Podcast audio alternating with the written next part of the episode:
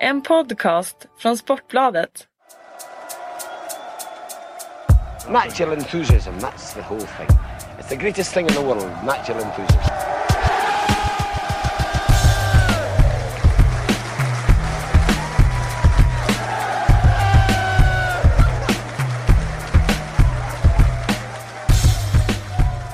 Hej och välkomna till Premier League-podden.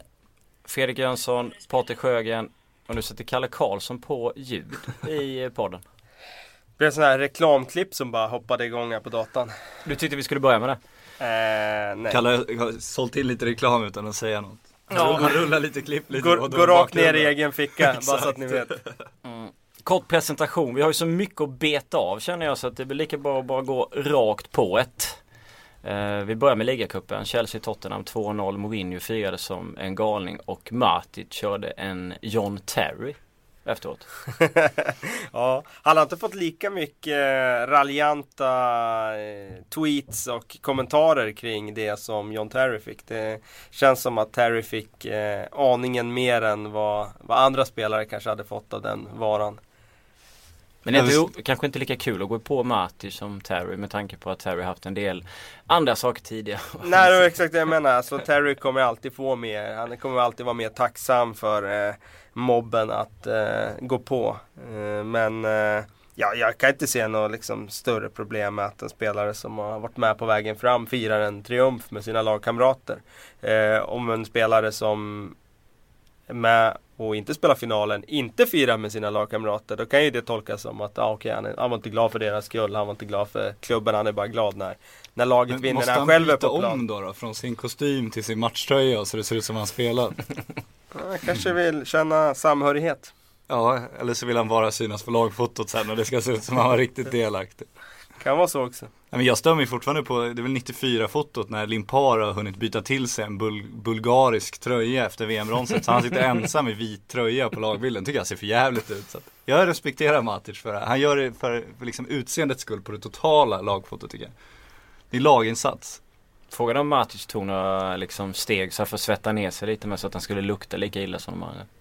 Det är väl kanske en annan, en det, är annan annan, vinkel på det är det. ett annat ämne vi kan ta någon annan gång. Däremot så Mourinhos firande var ju, tyckte jag, eh, alltså lite väl överdrivet. Jag gillar ju Mourinho skarpt alltså. Jag har ju gjort det ända sedan han eh, sprang ner till hörnflaggan där i Porto och liksom presenterade sig på den stora världsscenen. Och, eh, alltså han gör verkligen fotbollsvärlden till en rikare plats. Eller fotbollsvärlden är en rikare plats med José Mourinho än utan honom. Men det kändes inte genuint och ärligt som någon påstod att det var hans firande här nu i helgen. Jag tyckte tvärtom att det var överdrivet på ett sätt som, som eh, ja, det var liksom som att han spelade Allan.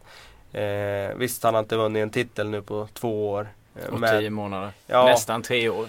Han är ju en vinnare, känner han själv så att. Ja, men eh, det kändes ändå inte genuint. Men han vill väl visa omvärlden att eh, det här är en viktig titel. Hans lag är framgångsrikt. Han har tagit Chelsea tillbaka till en titel och att eh, det här är visst en turnering som betyder massor. Eh, det var ju det budskapet han ville eh, ge med det där, antar jag. Hade du firat likadant Sjögren? Om jag hade vunnit ligacupen i fotboll hade jag firat något oerhört. För det hade varit en självetes jävla skräll. Så bara slå till och passa på. Nej men jag tror som Kalle, det är mycket politik. Han gör ju allt utav en anledning. Jag tror också att han vill understryka att det här inte är en skittitel. Utan att han vill liksom kunna bygga det här till någonting viktigt. Eh, även fast det kanske inte är så stort egentligen. Men att han liksom vill understryka det. Om han hade vunnit ligan och Champions League och Arsenal, Wenger då hade tagit ligacupen, tror du han hade hyllat Wenger den titeln då? Det tror jag knappast. Specialist in failure som, han sa tidigare här om Wenger. Eh, han hade nog framhållit då väldigt tydligt att eh, ligacupen inte väger lika tungt som andra turneringar. Så. Men så är det ju. Eh, det handlar ju om att eh, eh, styra eh, vad ska jag säga, styra diskussionen och eh, tyckandet åt rätt håll och det är han ju en mästare på. Absolut. En hel del eh, fotboll i veckan. Vi hade sju matcher igår och tre i tisdags. storklubbarna vann igår allihop. Också vann ju Stoke också mot Everton. Även om eh, den kom lite i skymundan när vi skulle rapportera om dem. Men eh, det blev idel seger för topplagen. Lite tråkigt tyckte jag. Ja men väntat ändå. Det Ja, var ju jo. en sån där omgång nu med inget lag som, eller ingen toppmöte så. Det kändes som att eh, det här racet börjar hottas upp nu och nu Mm. eh, ja, min gissning var att alla skulle vinna. Nu satt det ju väldigt, väldigt hårt in i ett av fallen så att det såg ut som att, att man skulle gå nit på den dagen men eh, ja, de lyckades ju kravla in ett mål där, Manchester United. Krola in ett mål. Ja, det var eh, Fantastiskt försvarsspel av Abeid och Tim Kelly. Ja, alltså det, han sätter ju sin målvakt i en väldigt, väldigt svår situation där. Sen är det ju också så att när Krol får den så det går ju så himla fort. Ja. Men han kommer ju ändå ligga sömnlös över varför la jag inte bara ut bollen till hörna? Tå, Alltså, Tåfjutta Ja, liksom. Så alltså, rakt ja, iväg ja. bara. Iväg. Men eh, ja, det är lätt att säga i efterhand. Det går väldigt, väldigt fort där och Abeid är ju den som, som är den stora syndaren där Men ett, såklart. alltså ett riktigt helvete för de två. Även om Abeid kanske mår sämst då. Men Young fick göra sitt första ligamål för säsongen va? När han fick rulla in den. Det måste vara ett himmel för honom. Han måste må hur bra som helst. Ja, han måste man ju ändå säga har ju faktiskt gjort en väldigt bra säsong i Manchester United. Från att ha eh, till och med en för, förtroendekris från, från läktarhåll med alla sina filmningar och det var många som ville se honom såld Mm. eh, bland United-fansen. Men eh, han har ju faktiskt eh, den här säsongen anpassat sig till en ny roll som wingback. Gjort det väldigt, väldigt bra. Och eh, ja, det här underströk ju att eh, han har ju någonstans ändå klättrat eh, rätt många steg i hierarkin i, i, i laget. Så. Och nu fick han avgöra en väldigt, väldigt viktig match. Så att eh, han, eh, ja, han, eh, han var nog väldigt nöjd. Fanns ju en del incidenter i eh, den matchen. Eh, när man ser till att det var nära att det blir en poäng för Magpies så får man väl ändå vara ganska nöjd som supporter med tanke på hur det såg ut mot City när det försvaret var värdelöst. Även om det var misstag som fällde dem då. Men vi hade det roliga där var ju att Jonas Gutierrez fick spela. Eh, kom in och smällde på, eh, var det Janusaj direkt och fick Två ut minuter, typ. Ja, två minuter stod det. Eh, ganska övertänd med förståeligt sätt då när han var tillbaka efter testikkelcancern. Så det var ju fantastiskt att se honom igen. Ja, coolt att han fick kaptensbindeln också får Ja. man säga och Coloccini, jävligt snyggt gjort. Snyggt skött av alla, bra av Carver också. Ge honom chansen. Sen är det väl tveksamt hur mycket mer han kommer få spela eftersom kontraktet går ut och sådär. Men det var jävligt snyggt att de fick hylla honom. Ja verkligen, han har haft en lång resa nu tillbaka och jag trodde kanske inte att han skulle komma tillbaka i Newcastle någon gång. Nej, men nu... inte med tanke på Pardios sätt att vilja ha bort honom. Nej precis, det var ju ehm, Det ta- mesta talar ju för att han inte skulle få någon Mm. liksom, nytt kontrakt där och fortsätta och så fick de ju massa kritik för det Mm. och eh, så men eh, ja det var ju eh, ett känslosamt ögonblick såklart och eh, det är klart att det värmde många hjärtan där och kanske till och med så att Carver vinner lite sympati tack vare det här nu också på ett sätt som Pardew aldrig gjorde. Ja, bland supportrarna. Men bland Mike Ashley är det nog, eh, ja, det kan nog kvitta ungefär. Men sen hade vi eh, Evans och Cissé som hade en eh, liten batalj under matchen. Eh, snackas om spottloska. Jag såg inte det själv under utan man såg bilder av det Ja, efteråt. man såg ju videobilden efteråt Ja. så har det kommit förklaringar från Fajal så att Evans, Evans är inte sån som spottar på folk utan han försökte spotta i marken och då kan man ju ifrågasätta varför han spottar i marken, känner att han var tvungen att göra det precis när Cissé är på väg upp från marken precis och håller på liksom Ja. att skrika åt honom. Just i det ögonblicket ska alltså Evans känna sådär att fan nu har jag mycket saliv i munnen här, det måste ut. Det känns som han har fullt fokus på Cissé där, jag tror inte att man spontant spottar i marken. Nej, han, han kunde ju spottat åt vänster eller höger eller något Ja eller väntat en, typ två sekunder till Ja. och liksom gjort det då eller kanske svalt det där eller någonting. Men nej, han valde att spotta och eh, då ska vi understryka att CC också av allt att döma spottar ju tillbaks i samma situation. Så att de är ju lika stora kålsupare. Fan vad det, liksom slitna uttrycket båda två. Men så jävla, jag fattar inte vad de håller på med. Det är, liksom, det är onsdag, de går till sina jobb liksom. De Mm. eh, är vuxna, Vuxna män, människor, välbetalda, framgångsrika, duktiga liksom. Och så ställer de sig och spottar på varandra liksom. Mm. Jag kan säga med handen på hjärtat att jag aldrig kommit in till redaktionen och spottat Kalle Karlsson i ansiktet ännu. Och du har aldrig spottat någon i Expressen i ansiktet? Nej inte det heller. Jävla skräll. Så Men att det har jag liksom nära. aldrig Det har känt varit nära. Nej, ja, Expressen har några gånger. Nej. Nej, men Det är liksom inget, inget behov jag någonsin känt i hela mitt liv att Nej. spotta på någon. Så att jag förstår det verkligen inte. Sex matchers avstängning snackas det om. Och det är inte, jag tycker att det, det är klart att det inte är någon stenhård tackling men det är ett helt eh, alltså idiotiskt beteende av båda två.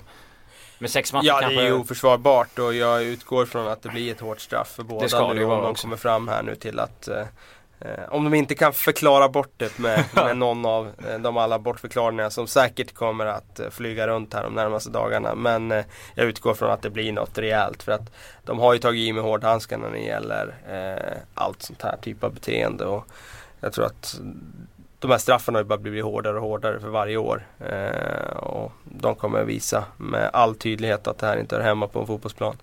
Svänger snabbt kan man säga. Papi Cissé gjorde mål mot Aston Villa, sprang ut till bänken och firade med Gutierrez i matchen innan. Det var massa glädje. Matchen efter så spottade han, spottade han då på Evans. Så Men han, är, han kan ju vara världens bästa och sämsta anfallare Ja. i samma person liksom. Ja. Han kan ju vara briljant. Världens bästa alltså! Världens bästa! Han var ju nästan där när han kom i Exakt. de här målen mot Chelsea. De var Han, ju helt han sjuka. var ju het som en kamin då. Han Han, gjorde mål på. Nej, på allt. men Men jag, jag tyckte ju fortfarande även då att han var ju begränsad i sitt spel. Men, Men han gjorde mål på allt. han ju- Ja, det var, han var dödlös Men han har avslutare. ingen lägsta nivå, den är ju obefintlig liksom. Ja, den är han kan ju dyka hur långt ner som helst. avgrundsdjup. Exakt.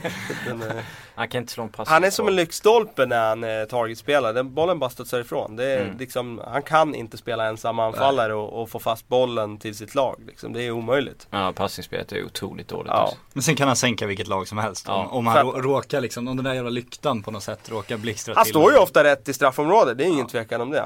Eh, väldigt många enkla mål känns det som han gör. Och sen, ja, eh, han är ju, var ju, är ju kapabel till att göra svåra också när han är i form. För ingen kommer ju glömma bort hans otroliga mål borta mot Chelsea där för Mm. tre år sedan, fyra år sedan.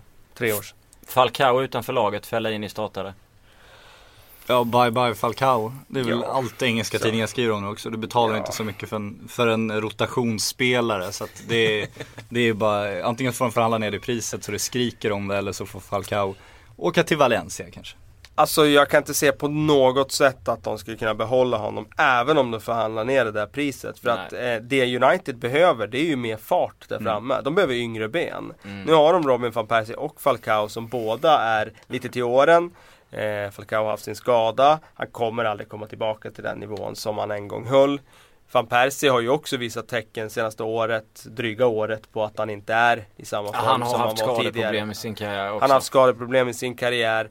Eh, att behålla Falcao, jag ser det som helt eh, orimligt. Alltså United måste förstå, alla kommer förstå att ja, men det är bättre att satsa på, Mm. även om de inte får en forward som kanske är riktigt lika bra som Falcao kan vara. Så kommer de i alla fall få en yngre anfallare som kommer ge dem mer på sikt, som kan springa, som kan ge dem Ja, det där djupledshotet och eh, energin som behövs där framme. För det är ju den som saknas nu där i Manchester Uniteds anfall. Det är liksom, Till en tredjedel av priset och till en Ja, tiondel av lönen. Precis, exakt. Det blir liksom, det faller på all sin orimlighet att de skulle ha honom kvar. Absolut. Kompani har fått kritik på slutet, satt på bänken. Eh, Pellegrini petade honom igår. Var det rätt eller?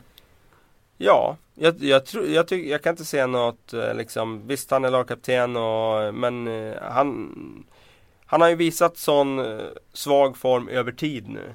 Och eh, någonstans då så kan det vara bra med en väckarklocka. Jag tror att det kan bli så i eh, hans fall att han, han får en Kanske en liten paus i tillvaron, han får tänka över, eh, lite reflektera över sig själv och eh, kommer komma tillbaka starkare än vad han har varit nu den senaste tiden. För det har inte varit den vanliga kompani.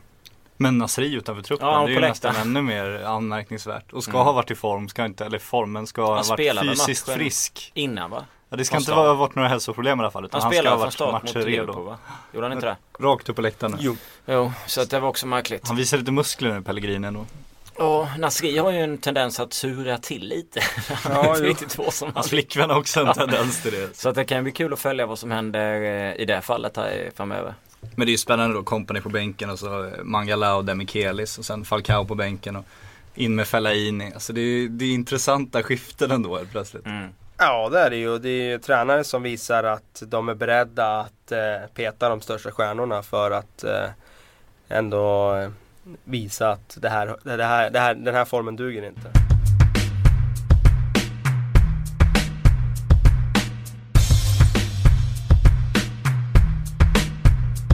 Özil och Sanchez har ju varit eh, diskussioner fram och tillbaka att de tar ut varandra och bla bla bla bla liksom. eh, Vi har fått mängder med frågor. Nu gjorde Sanchez mål. Eh, första på sju va? Ja, först, eller ja, första på, ja, sju mål, mållösa innan den här. Så. Har de löst det nu?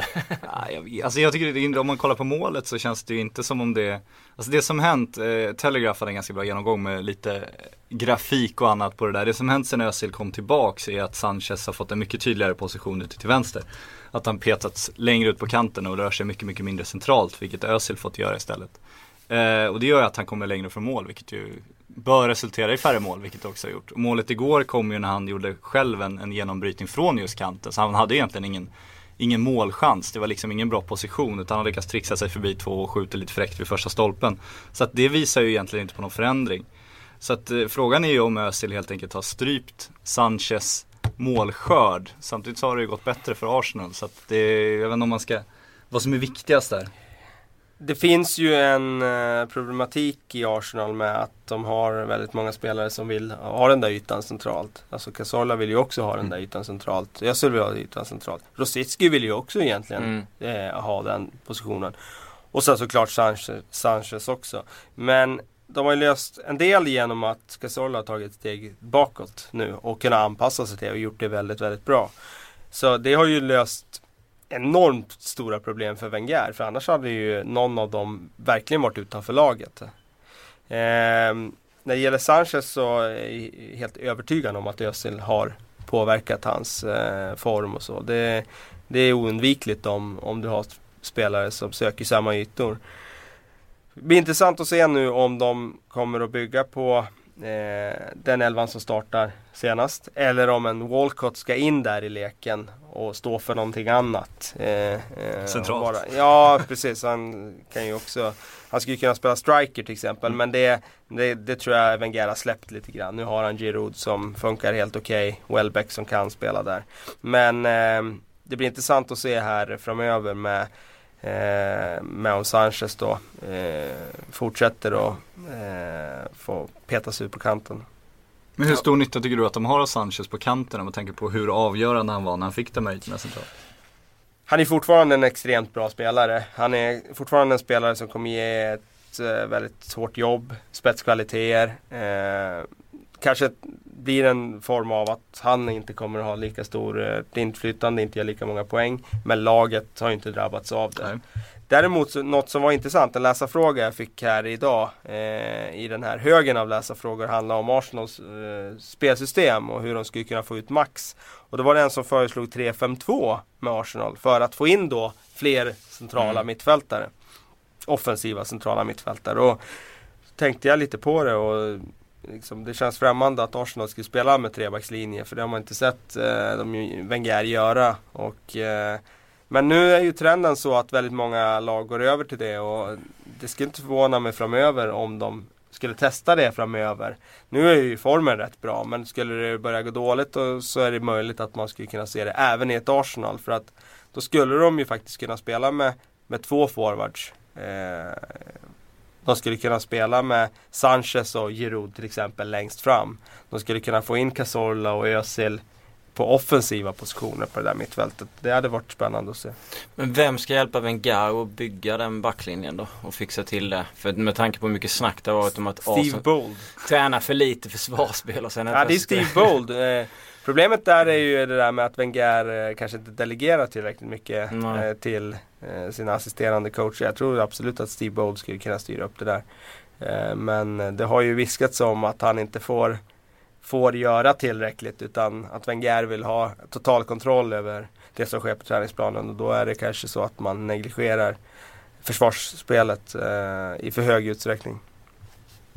Walcott på bänken och Welbeck på bänken. Var det, när Walcott förlängdes var det väl snack om att han ville spela så centralt som möjligt. Det var därför han valde att skriva på längre då när det var snack om det. För snack om när alla förlänger alla klubbar som Ja men alltså. Centralt. Jo men han, det har väl viskats om att han ville vara striker till och med. Att han ville få den mm. chansen. Och det är ju, är ju många spelare som vill för att någonstans när du skriver din karriär så kommer målen synas väldigt tydligt. Mm. Därför har, vill ju en Leo Messi också kliva in centralt. Och, så det är ju inte förvånande på så sätt. Sen han hade ju sin, Ja precis, han hade ju sin period där Walcott när han spelade centralt och han gjorde bra matcher och sådär. Men det känns som att Wenger ändå har övertygat honom om mm. att eh, du kommer inte vara en striker i världsklass i alla matcher. Kanske mot extremt dåliga lag som bjuder dig på på yta bakom backlinjen.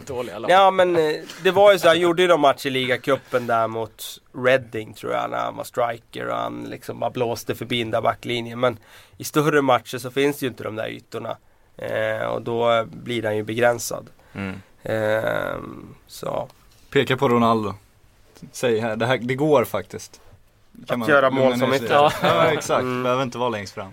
Ja, svårt att göra de där målen som han gör som ytter. Alltså, Ja det, det är det, det, man tänker att ja, fan, den där rollerna har ändrats liksom med åren. Och förut skulle man bara springa ner till hörnflaggan och Ja. slå inlägg. Och nu, nu kan man som ytter komma in och ta avslut och sådär. Men det är inte så många andra yttrar som gör mål i, i den utsträckningen om man Jag säger så. såg en träningsvideo från Bayern München var det när Arjen Robben filar avslut där. Då har de ställt upp två sådana här plastgubbar liksom och så turas de om och slår passningar till honom här. Enda han gör är eh, bra jävla tag. Det är liksom bryta in från, från yttern, två steg Vika in. emellan, vika in i bortre liksom hela tiden. Jo. Om, om, om, om, om igen. Ja.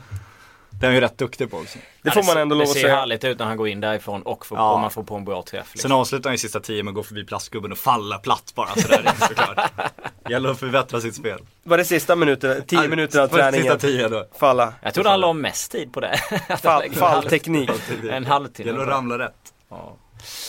Eh, tråkiga bilder igår var ju Gomis eh, i Tottenham Swansea där. Tottenham gör väl 1-0 och sen så faller han. Direkt i, efteråt ja, faller han. Swansea anfallaren. Eh, låg kvar några minuter sen bad de ut honom. Men han var vid medvetande även om han fick syrgas. Han fick syrgas, samtidigt så får de i stort sett alltid syrgas i England nu för tiden. Så Ja. det, det betyder egentligen inte så mycket.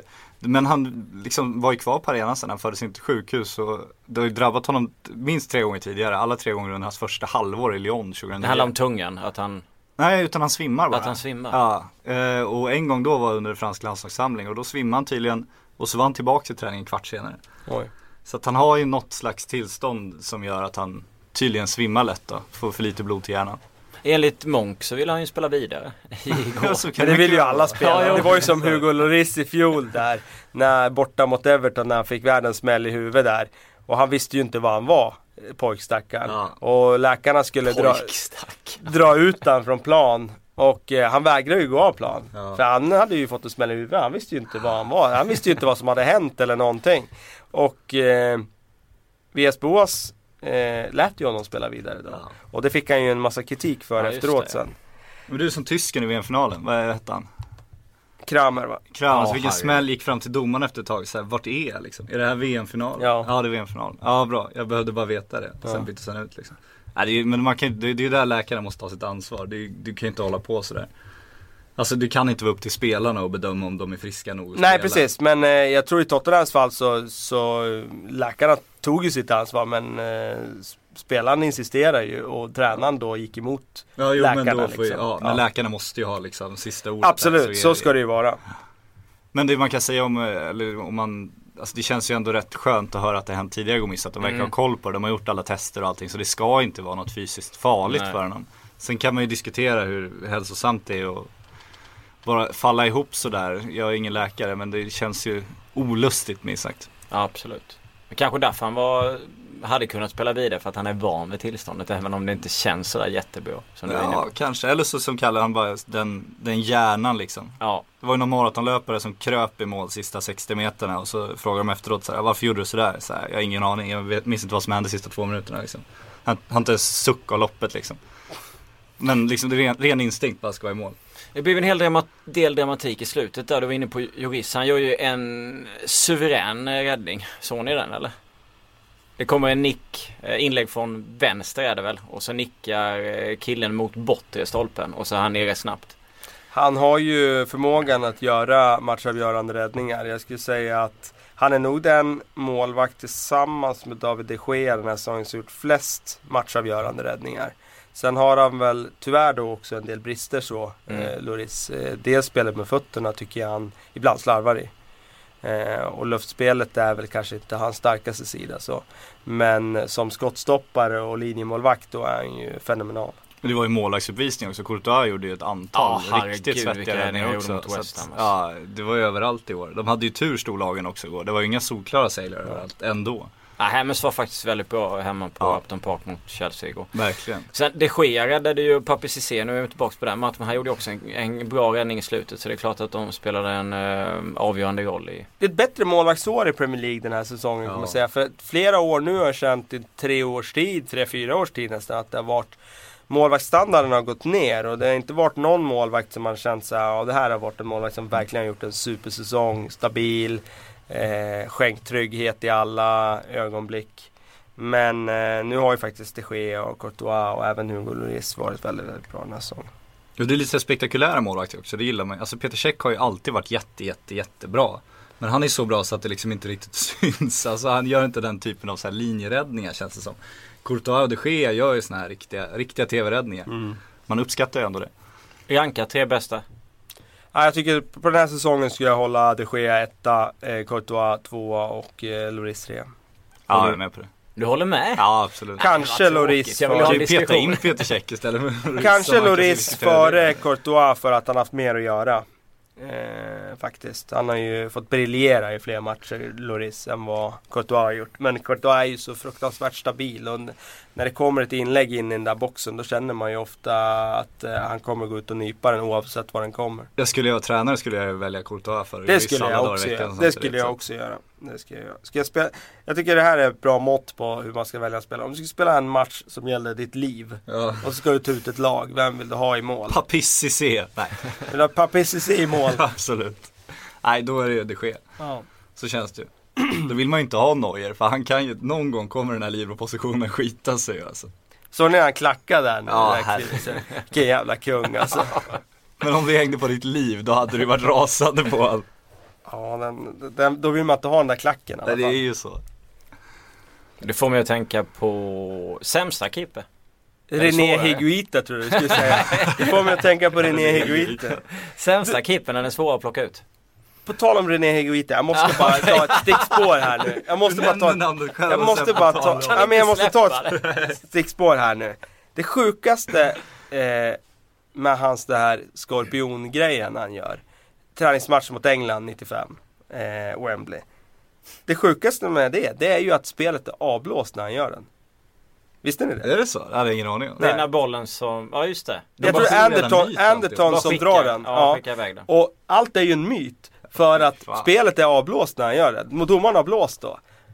Och det här var ju jag helt ovetande om. Ja. Fram till för kanske 4-5 år sedan när en eh, eh, kompis sa det här till mig. Och jag sa nej men nej. Det där Du blev förbannad inte. på Ja jag blev förbannad på honom. Så här kan inte stämma. Du kan inte ta bort den Ja. här helt Ja. mytiska liksom fotbollsräddningen som kommer gå liksom generationer kommer prata om. Men jo, Så spelet en- är avblåst. Enda anledningen till att René Higuita fortfarande är ett namn som nämns det är att han i en Träningsmatch. Ja, träningsmatch gör en skorpionspark när spelet är avbrutet och det råkar vara på Wembley där liksom. så att det är 0-0 fem England. minuter kvar är det ungefär. Ja. Där. Så att eh, ja. Men det, hade det inte varit England så hade vi kanske inte pratat om det heller. Hade det här hänt i Argentina hade vi inte pratat Då om hade det. det kanske inte funnits tv-bilder på det sättet. För det här var ju en träningsmatch 95. Ja, Alla men just så viktigt att det är. England också tror jag. Det som händer i England blir ju på något sätt liksom, Ja, idag är det, idag är det i alla fall så. Ja. Jo men så är det ju. Ja. vilken jävla skandal. Då stryker vi René Higuitas mål från eh, historien. fotbollshistorien. Målräddning. Mål, ja. Han Ja, är, väl, många. han är väl ute och dribblar också mot Kamerun och tappar bollen. Ja, det är Det är de Ja det två, kan vi skriva Det är de två grejerna, VM, VM-åttondelen 90. det är de två eh, grejerna som vi kan eh, ta med oss från hans fake-sparken och jag hade inte vågat göra den själv även om det varit avblåst eller inte. Jag vet inte var jag hade hamnat eller var jag hade Det landat. här måste vi skriva Men vad sa du? det stämmer. Det är så alltså. Sämsta keepern ville jag. Sämsta keepern ja. Ja, ja. alltså jag håller ju med vår kära kollega Peter Wennman om att den sämsta insatsen, den stod kanske Ben Foster för här i, i veckan. För att, Men det var ju inte så skönt att bli påsprungen bakifrån när han försöker ta bollen. Han blir nej, av, av försvararen ja, där, sen- nej. Det är väldigt olyckligt där att försvararen står i vägen när han ska greppa den. Men det är ju ändå han som fumlar Ja, ändå jo, sen. Jo, och sen får han ju inte i nästa skede, Nej. får han ju inte ta den duellen. Han måste ju förstå så här, det är sekunder kvar av matchen. Det är massa folk här. Och jag kommer inte hinna på den här, så då är det ju bara att släppa. Det är ju Ja. rätt många målvakter tycker jag som har förfinat den tekniken. Att man går in i duellen, sen släpper man. Ja. Vilket gör att anfallaren, ibland faller ju anfallaren ihop som en säckpotatis. För att han tror att målvakten Mm. ska ta honom och då ser det ut som jordens filmning. Men hade han gjort det nu så, ja, då hade ju, då hade det varit lugnt. Loughton hade ju inte tagit bollen och gjort mål. För det var ju helt tjockt i straffområdet bakom. framför liksom. Ja, Så att det var ju... Så att det var ju ett horribelt misstag och han höll ju på att göra en Robert Green tidigare i den matchen och tappa Ja, en boll mellan benen där. Och faktiskt skulle jag säga, han blev räddad där av målkameran. Så det är, inte bara att domare kan döma in bollar eh, som man inte har sett har varit inne utan tvärtom också. I det här fallet så jag tror att det varit stor risk alltså att, att domaren hade dömt in det här målet. Om man inte hade kunnat eh, hänvisa till sin klocka på armen alltså. För att det var ju väldigt svårt att se. Ja absolut. Men du tar han då som den sämsta? Nej, han har gjort en bra säsong. Ja, jag tycker också det. Så, han har gjort en väldigt bra säsong. Så att det är inget problem eh, sett över tid. Men eh, enskild insats så var han väldigt olycklig. Jag tycker den sämsta målvakten, jag fick den där frågan när jag chattade med en läsare igår. Det är ju Kelvin Davis som är andra keeper i Southampton. Jag tycker han är helt värdelös som jag ska vara ärlig. eh, Han stod ju i början av förra säsongen där innan de värvade Artur Buruc där och han var inte bra någonstans. Är det division 5, 6 klass? Ja, det han i är... Karlberg eller i vårt Bremen? Det är knappt va? Nej, jag skulle inte... Jag skulle inte... Ja, jag skulle sitta på bänken i Karlberg också. Ja det är ingen dålig sågning. Det var en praktsågning. Ja det var det verkligen. Där uppskattar vi.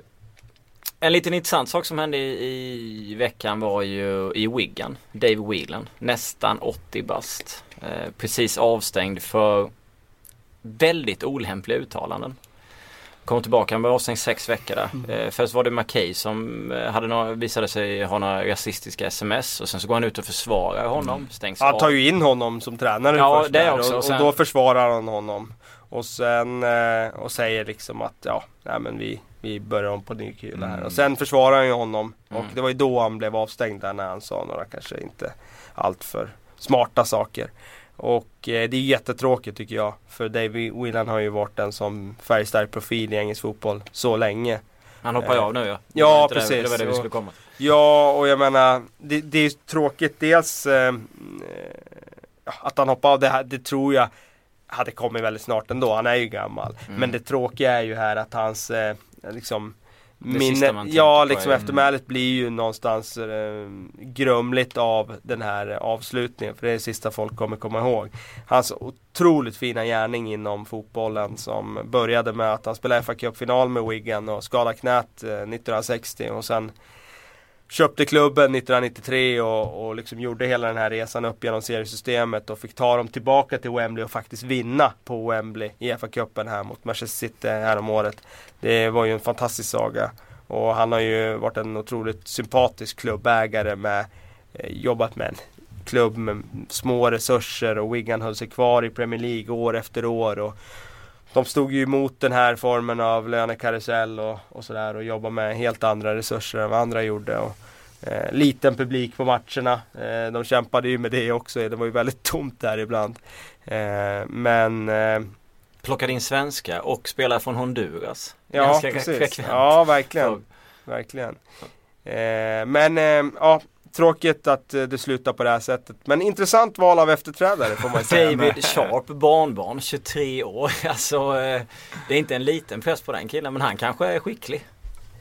Han tyckte att han var redo. Jag förstår alltså. Han lämnar liksom över till en 23-åring. Ja, han eh, får ju säkert en hel del backning eh, Ja. från eh, Det bör han få tycker jag. eh, annat håll. Familjen ska ju vara involverad i klubben och A lot can happen in the next three years. Like a chatbot may be your new best friend. But what won't change? Needing health insurance. United Healthcare Tri Term Medical Plans are available for these changing times.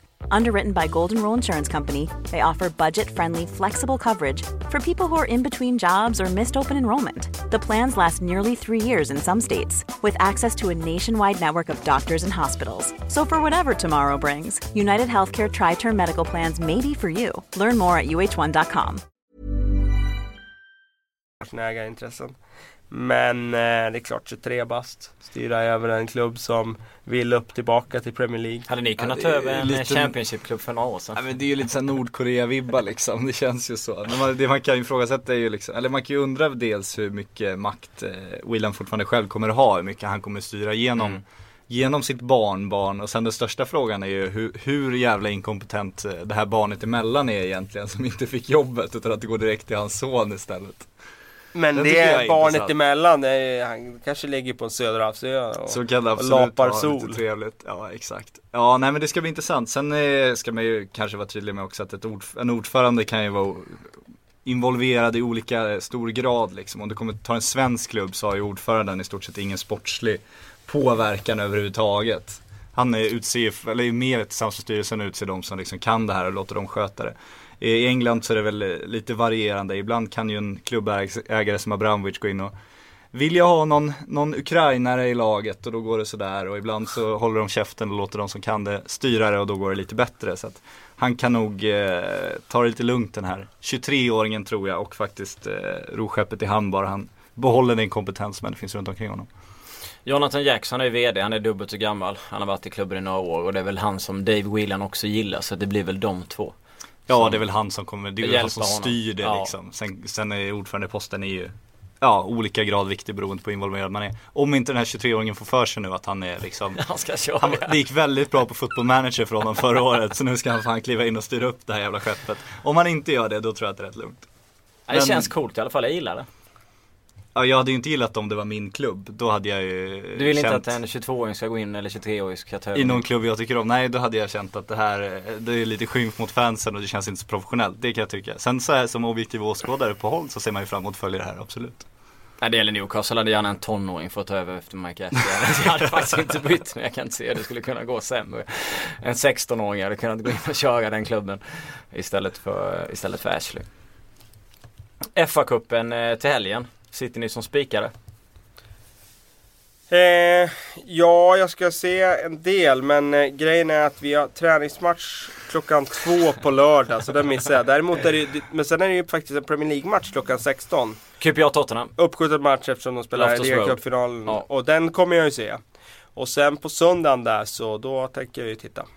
Jag gillar ju Kalle annars när, eh, såg du många matcher igår? Nej jag hann inte, jag hade, jag hade träning. Och så. Men jag såg en match på mobilen på väg hem och så såg jag repriserna i morse. Det tycker jag, det säger en del om ditt intresse ändå. Nja, Ja. Ja, jag vet inte. Det säger väl något att man har blivit tappad i golven när man var liten eller något. Ja, jag gillar också den klassiska anekdoten att Kalle Karlsson alltså vid två skilda ljudbord med Sportbladet båda gångerna har tagit upp sin mobil och kollat på fotboll på mobilen under diverse chefstal. Ja, men vad fan, det har ju med sällskapet att göra. Det är ju vad fan, har man inte tillräckligt bra sällskap så, så måste man ju underhålla. Varav en gång att- var det en Championship-match också ska jag säga, då var det inte ens Premier League. Ja, så kan det vara. Det ska tilläggas att Kalle nu, just nu, sitter och kollar på en repris för att han känner att sällskapet inte. Nej, nu överdriver du. säg så här, hade det funnits en repris att kolla på nu i mobilen, då hade jag tittat. Det har också med sällskapet att göra. Absolut, det respekterar jag. I alla fall QPR Tottenham. Vad tror ni? Eh, jag tror ju alltid lite grann på QPR när de spelar på hemmaplan. För att de är bra på, på hemmaplan och de gjorde ju en bra match vad jag förstår mot Arsenal igår också.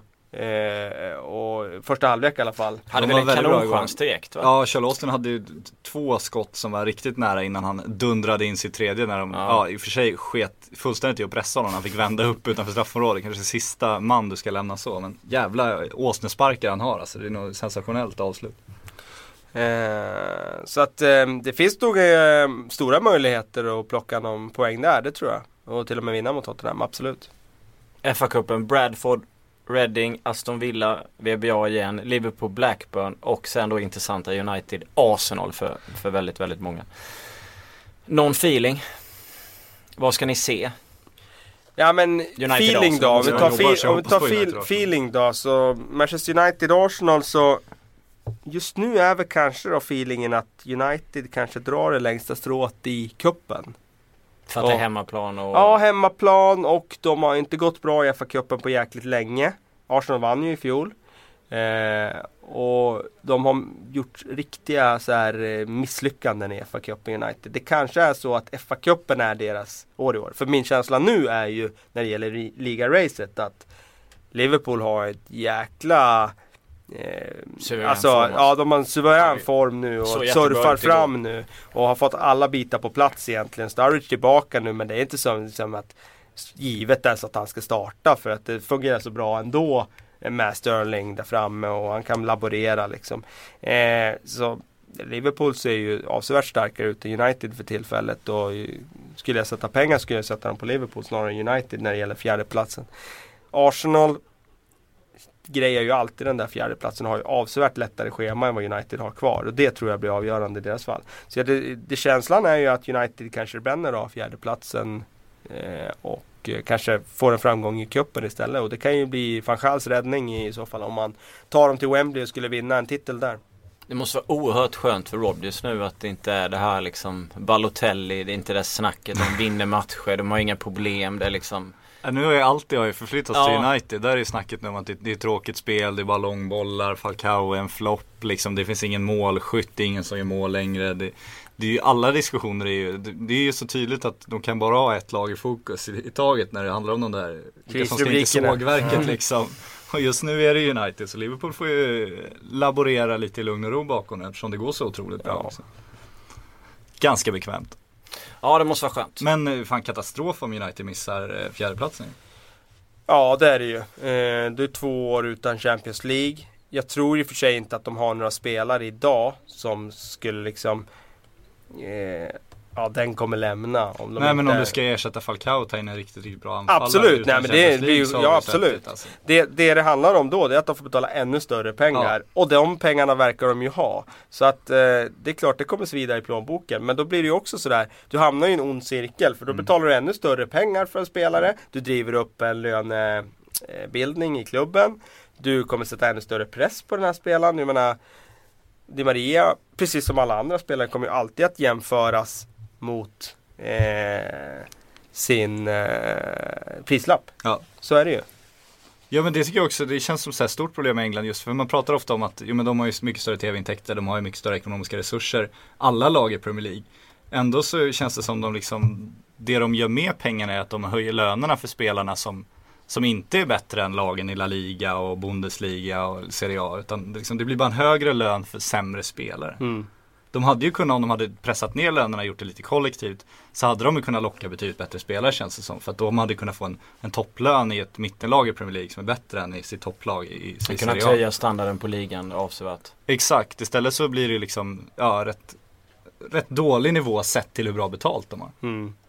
Ja, jag, jag håller med. Det, det, det skulle vara väldigt, eh, det, det, ett år utan Champions League, mm. det är en sak. Men och om man börjar halka efter och missa flera år, då måste man ju sätta så himla mycket från grunden. Som Liverpool nu faktiskt har gjort. Nu har de värvat yngre spelare mm. och de har fått utveckling på de spelarna. Markovic, Emre Can, Lallana, Sterling. De har ju dessutom spelare som kommer underifrån med Jordan Ibe och de här som har liksom gett större bredd tack vare liksom att man egenproducerar. Men det är det som måste till då. För då får du inte de stora stjärnorna. Det är jättesvårt om du missar Champions League flera år i rad.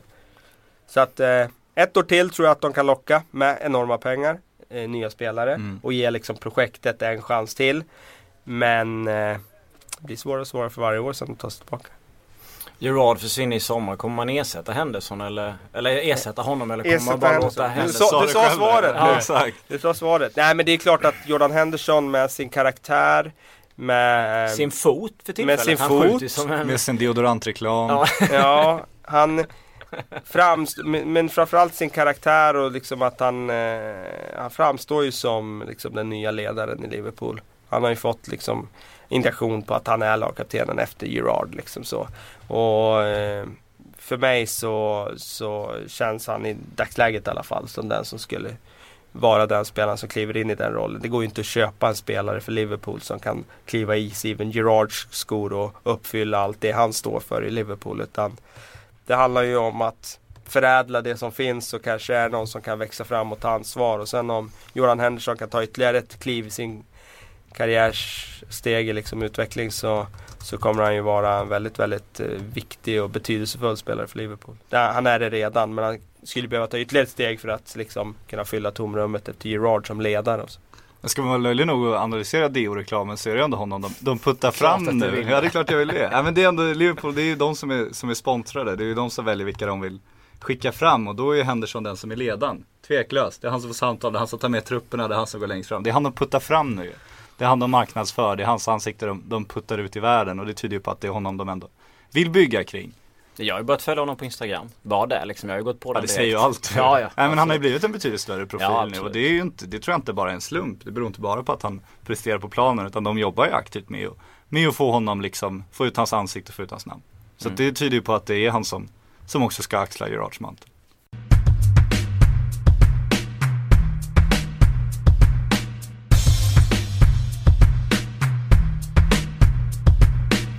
Tänkte vi skulle avsluta med en lång frågestund med tanke på alla härliga frågor vi får från eh, våra lyssnare. En stor fråga är ju den jag kommer läsa nu och den känns rätt så jobbig om man ska liksom gå igenom alla. Men jag tänkte bara vi kunde känna Du lite. tar ner den här. Ja, li, lite vid läget. Nej, Ja. men det är en kille som undrar om vi kan ranka 20 klubbar i ligasystemet som borde spela i PL. Och jag svarar Oj. honom att det behövs en del förberedelser men vi kan lyfta några stycken liksom. Ja men som borde spela högre. Leeds, Leeds, tänker ja. jag ju på direkt för det är ju en slumrande stor klubb. Millwall vill man ju ha någonstans. Ja, det är ingen slumrande stor klubb Nej det är det i inte men Premier det är League. en Men du vill... charmig klubb så det Ja skriker okej, om det. du vill ha den av den Jag är anledningen. svag ja. Ja okej. Eh, nej men Wolves gillar ju jag liksom. Eh, jag skulle gärna se Wolverhampton uppe i Mm. Premier League igen. Det är ju en klassisk klubb som har varit med länge. Och, eh, mång- många svenska fans. Eh, Nottingham Forest är en Ja. stor klubb. Eh, varit ute i Europacupen och, och segrat och eh, mycket historia och eh, jag ska inte säga att det finns många svenska fans men det finns svenska fans tack vare sina framgångar där i slutet av 70-talet. Så att eh, Ipswich har ju också sina svenska fans. Det finns ju klubbar där nere som, som har det och ja, nu har jag nämnt några. Eh, men det är, jag menar nu som Bournemouth går i, i Championship så är det ingen stor klubb som på något sätt på det sättet är Premier League-mässig men det skulle vara spännande att se sådana klubbar också uppe i Premier League. Absolut. Måste kolla här vilka, vilka klubbar vi kan mer tänka så. Jag tänker på sådana gamla som Coventry, som Ja. eh, Sheffield- Oldham Sheffield och Wednesday. Sheffield Wednesday. Eh, vad har vi med? Alla går till den här tips extra tiden. det är det alla växt upp med liksom. Mm. Jag Ja, vill jag- säga FC United, den här eh, fanstyrda Ja, just det, den vill du. Svaret AFC Wimbledon. AFC Wimbledon, där har du. Absolut. Och så har vi antitesen till allt, MK Dons. De kommer väl förr eller senare låna Premier League. Och då Salford City ska ju upp också. Det här Giggs och Scholes klubb där. Fulham ligger alltså två placeringar ovanför nedflyttningsstrecket. Eh, och Jag var och såg dem här i november och ja, det känns, de har ju tappat allt. Och, Wigan då? Eh, ja men det är samma sak Ja. där, de ligger inte heller så bra till. Swindon Eh. kanske i League One. Ja. Nej men eh, en, Norwich har vi det är ju. klart Cardiff eh, eh, liksom har ju en Nu har vi nästan kört League-mässig- 20 lag ändå. Ja, men hela Championship har ju nästan varit upp och vänt. Det är, Ja, det är ju det är många väldigt klubbar stor som- Blackburn Rovers. lag. Ja. Ja, Blackburn är ju såklart Premier League-mässiga i sin historia Mm. och allt de har ändå vunnit Premier League till och med. Bolton. Bolton. Red- Allardyce han hade dem Reading. alltså. Han hade ett tungt lag där då när de hade JJ och Kocha och Kevin Davis. Och... Ja just det. Ja vad fett lag. Det var Oskar fan 20 lagare. Kevin Ja, Nolan. Oskar Petrén han fick 20 lag. Så eh, varsågod säger vi till dig eh, där ute. William Johansson en annan fråga. Han och en hockeyintresserad Ja, kompis. får jag lägga till ett Ja. lag? Brentford blev jag ju väldigt förtjust vid efter mitt besök där när jag var där i höstas. Så att eh, de är ju inte en Premier League-mässig klubb så men det är en uppstickare och de har en väldigt eh, sympatisk ägare som har stått på läktarna där på Griffin. Så att eh, ja, de skulle jag också gärna upp. Ska bygga en ny arena nu också. Ja. William Johansson, han har en hockeyintresserad kompis satt och diskuterade ligaavslutningar häromdagen och han var inne på att varför gör man inte i fotbollen som man har i eh, hockeyn? Att man kör ett slutspel. Men problemet med det är ju att ligan blir så pass mycket längre då så att de skulle spela om och om och om igen. Eh, men han menar på att det hettar till eh, först i Champions League när det är åttondelar och han avslutar med vad finns det egentligen för fördelar kontra nackdelar med ett slutspel i fotboll? Skulle överhuvudtaget vara genomförbart och vad tycker ni bakåtsträvar? Ja men sån här idé. Jag skulle inte vilja kalla oss bakåtsträvare. att vilken jag- Jag attack! bakåtsträvare. Vilken attack! Jag kan vara det utan Ja. problem. Nej men alltså. Ja men alltså vi är mer traditionsenliga. Jag har förstått det fina i fotbollen. Att bygga om det till ett slutspel. Ska vi förstöra hela skiten Ja, liksom? Jag jag, tror jag skulle får sluta eksema bara tanken. alltså. Ja, det, jag. Allsvenskan höll ju på med det där i början av 90-talet där. När AIK Ja. vann guld då var det ju en sån där serie Ja. med att eh, några lag skulle spela någon typ slutspelsserie liksom. Då. Men eh, jag får ju nästan eksem bara av tanken på att tänka att Allsvenskan höll på att laborera med det. Och därför fick jag ju eksem av tanken nu av att de än en gång började diskutera liksom någon omläggning av eh, seriesystemet. för mig är fotbollen eh, i högsta ligorna, det ska vara en rak serie. De som är bäst över tid ska premieras. De ska gå upp i eh, serietrappan eller vinna titeln. Så är det, så ska det inte vara. Eh, hålla på med slutspel och grejer, det kan eh, sådana här jippo-sporter hålla på med. Det, som behöver mer eh, spänning för att de inte kan skapa det genom sin idrott.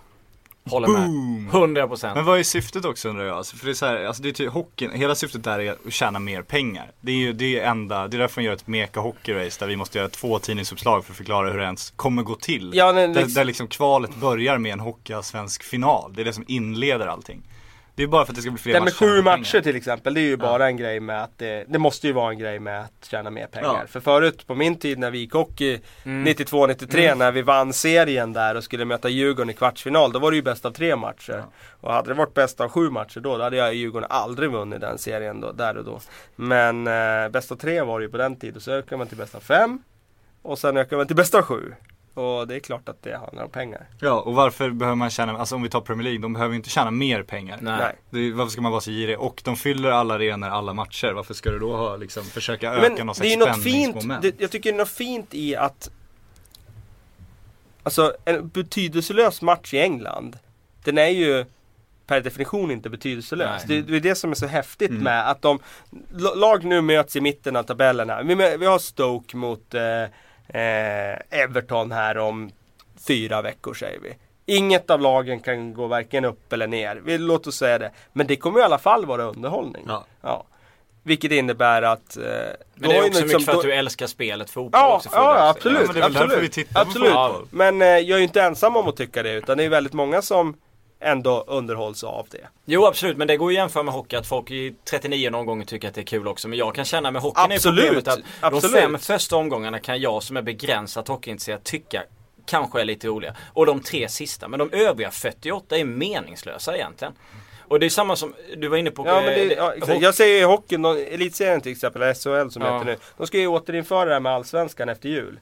Där har de ju sin grej. Då var det ju spänning i elitserien före jul. ja. När lag kunde åka ner i allsvenskan. Mm. Nu Alltså, kan ju ingen åka ur nej. Plocka, ut, plocka bort kvalserien som de hade förr. Det tycker jag var roligast på hela Ja, det var Då ska man ha en slutspelserie, kring. en direkt avgörande match och någon, något mer. Jag vet knappt vad det heter liksom. Det är typ så här tre, fyra olika Ja, invecklade det är saker. återkval och återkval till slut. Men de går, där går de ju och- mer och Ja. mer mot en stängd liga. Och det är ju samma sak där med fotbollen. Att det är ingen som har kommit på det än, tack och lov. Det som skulle kunna vara varit liksom början på det, det var ju när G14 hade sina diskussioner. Och det är ganska länge sedan nu, åren går. Men då började de diskutera om att liksom ha, göra en stängd superliga i eh, liksom Europa så. Och ja, Och det var ju bara kommersiella det intressen. var ju kommersiella intressen. De skulle tjäna ännu mer pengar. De visste ju att tv-rättigheterna för Ja. det skulle ju vara sjukt höga. Ja, det, jag vet inte om jag hade fortsatt att titta faktiskt om man hade ändrat om vissa ligor till slutspel. Det är alltså gränsfall. Det är klart man gillar fotbollen men otroligt tråkigt. Inter Milan i Serie A i bäst av sju. Avgör titeln. Nej, det, det, liksom, det känns så främmande. Ja, Ah, de leder med 3-0 i matchen nu, Milan. De går ner på och då parkera skulle det, bussen. spela, det skulle vara 0-0 i varenda fight och skulle avgöras på straffar för ingen skulle vilja gå Nej, framåt nej. i sju matcher. Eh, Ja, vi Joakim, har ju Champions League så vi har ju ett, ett slutspel också som vi kan njuta Absolut. av. och det och finns det- så mycket kupper också som är liksom anrika och fina. FA-cupen och hela den här biten. Varför Ja. skulle man då gå in med slutspel? Känns Nej, ju- känns- Nej, nej. Vi sågar Aldrig Vi sågar det någonsin. full, fullständigt. Eh, Joakim Löfstedt, han har lite frågor här. Eh, han, när kommer hela England och alla andra se att Harry Kane inte är den klassspelaren alla säger att han är?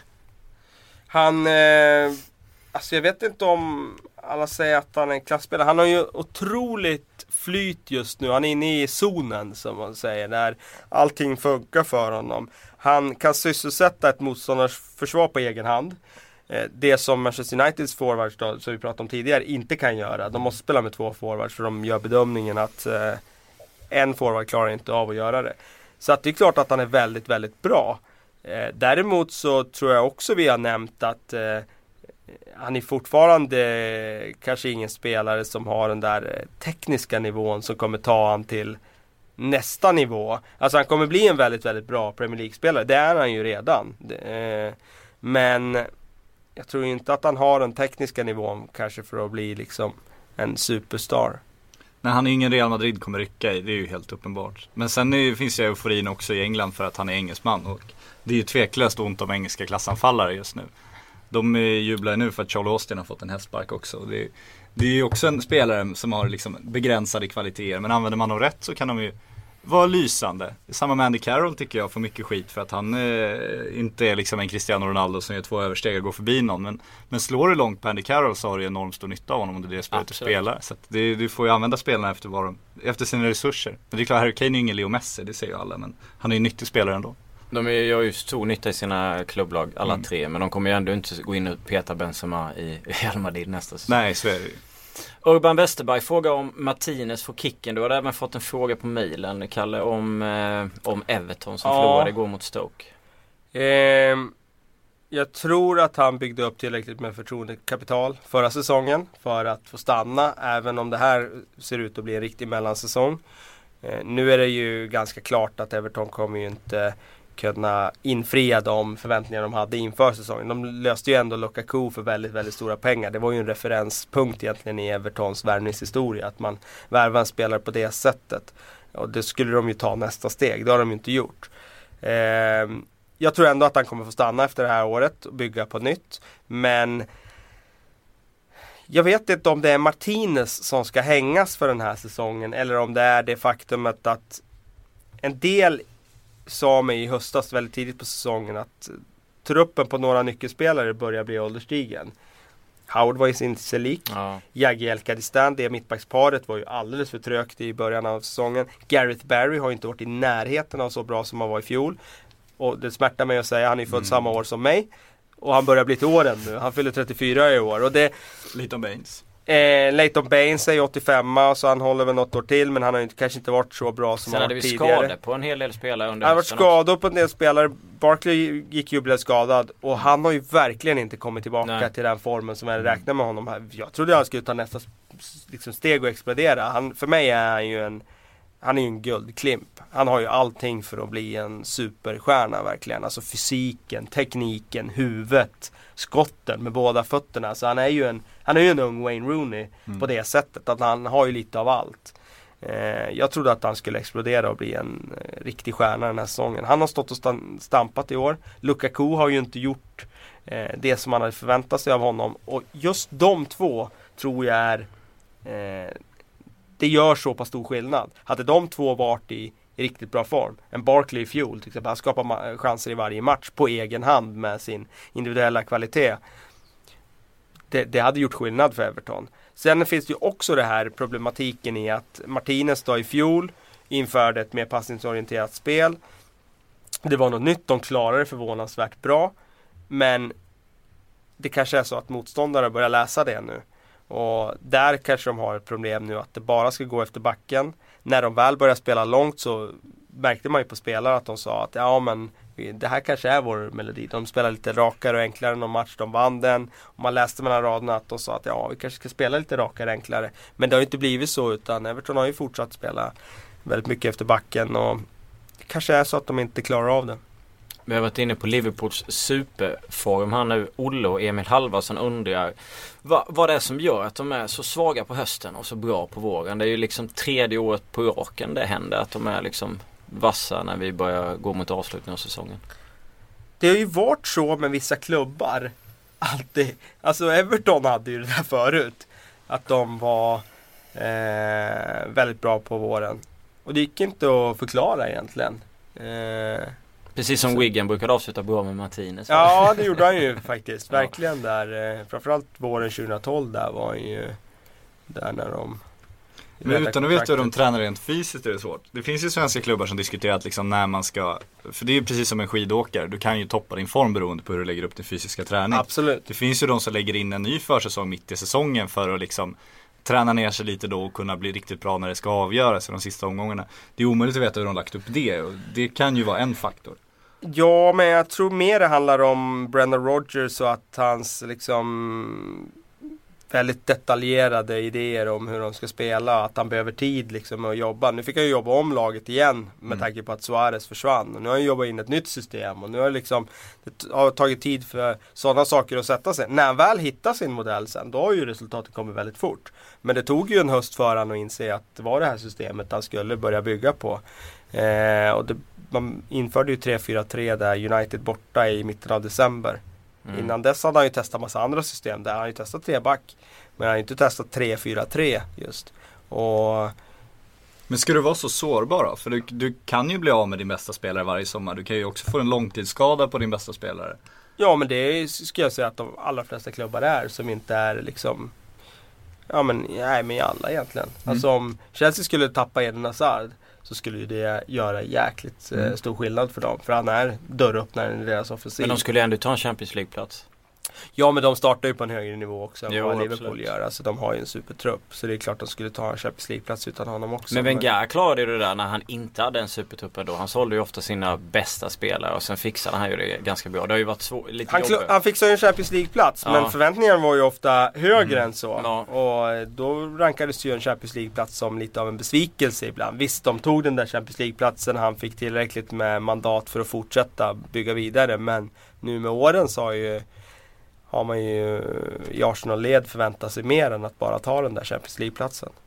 Men det är klart att Wenger, Wenger har varit otroligt skicklig på att bygga om. Alltså utifrån att han har sålt sin lagkapten typ varje år och sålt mer än det. Jag menar det är inte bara lagkaptenen som har försvunnit. De senaste åren har han ju liksom sålt sådana som Clichy och Nasri och sådana spelare också. Adebayor när han var riktigt bra. Adebayor försvann. Eh, så det är klart att eh, han har varit väldigt skicklig på att eh, parera den sortens förluster. Adam Johnson. En eh, anklagelse mot honom nu för sex med minderårig. Otroligt vidrigt eh, om han är eh, skyldig till det. Eh, vad, har, vad har ni för tankar runt den här situationen?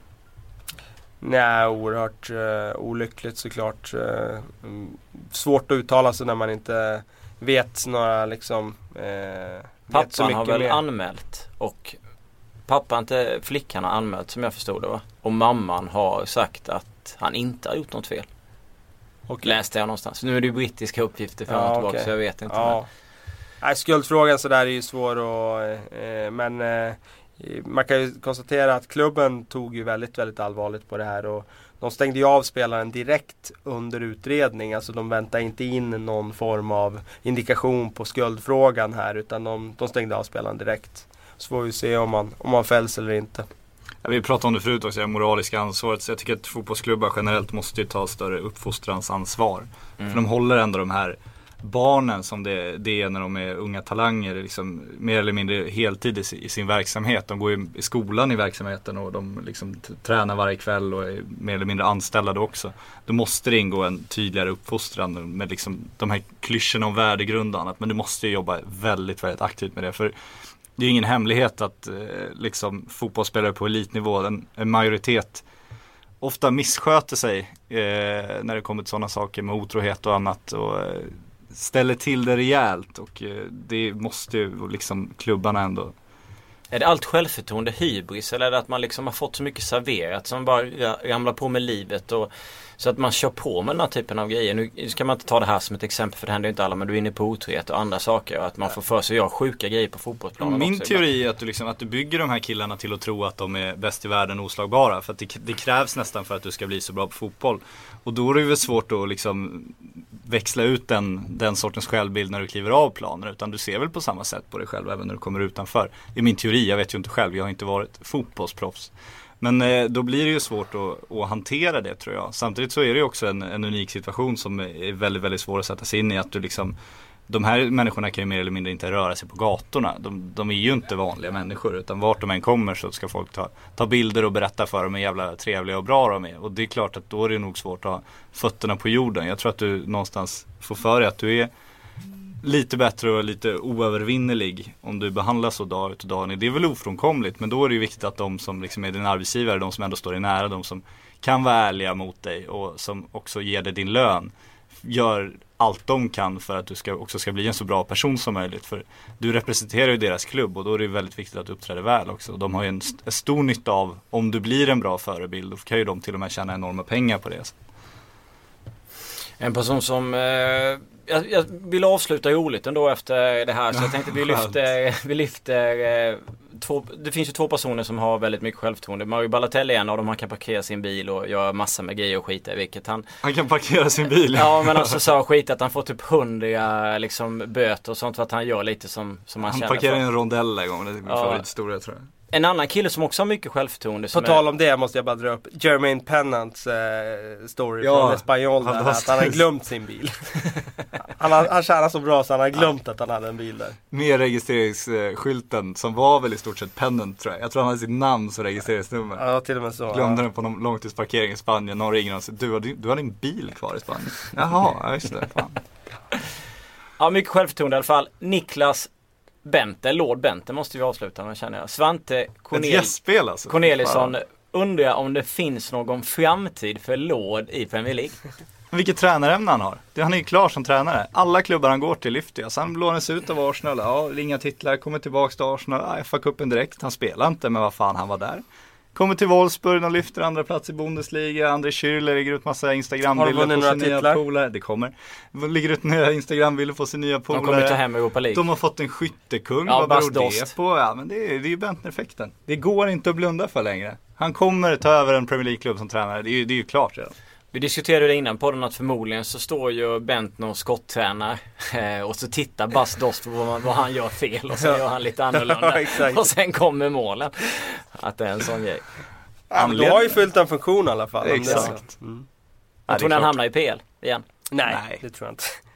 Ja, Alltså han ska vara väldigt glad om han får kvar i Bundesliga tror jag. Jag skulle gärna se att han åker hem och börjar om med FC Köpenhamn och blir någon kultfigur där. Det hade jag Alltså, det, jag läste en väldigt rolig lista som gjordes någon gång om People who stole a living in football. Det går inte att översätta det uttrycket eh, till svenska, men det handlar ju alltså om folk som liksom har livnärt sig på fotboll, men som egentligen inte har något mandat alls att göra det, för de har bara liksom flyttit runt. Och där måste ju han någonstans vara väldigt högt. Freddie Adu är ju såklart väldigt högt där. Absolut. I den listan tror jag Bojan Djordjic var med också. Det var en engelsk lista. Men nu tycker jag nästan synd om Bentner att eh, Ado och Djordjic som är på samma lista. För jag, alltså, Fast Bojan Djordjic har ju åstadkommit mer fotbollsmässigt än vad Niklas Bentner Ja, han har ju vunnit titlar. Jo, jo. Stort sett i alla länder Ja, men han har ju ändå gjort mål i, i, i mästerskap. Han gjorde mål på Camp Nou och sådana grejer och det har ju inte riktigt Ja. de andra Ja, han har bra målsnitt. För. Danmark har han väldigt bra målsnitt. absolut. Det får man trycka på. Men eh, nej men jag är helt med på att Bentner ska vara på den listan. Jag tycker ändå han, han, Jo, han, han han, är- han, meriterar sin plats Men det var lite roligt alltså. tycker jag personligen att du drog samma personer i, i den eh, andemeningen. Men ja. Jag förstår ju samtidigt vad du menar. Vi eh, rundar ju av med Lord Bentner. Och så får vi se Gud jag gillar den listan, vi måste hitta den listan. Den var ju magi. Kan det vara något för nästa vecka kanske? Kan vara något för nästa vecka. Jag tackar, Cliffhanger. tackar Kalle och Sjögren för ert deltagande. Få en bra helg och tack lyssnarna för att ni var med oss.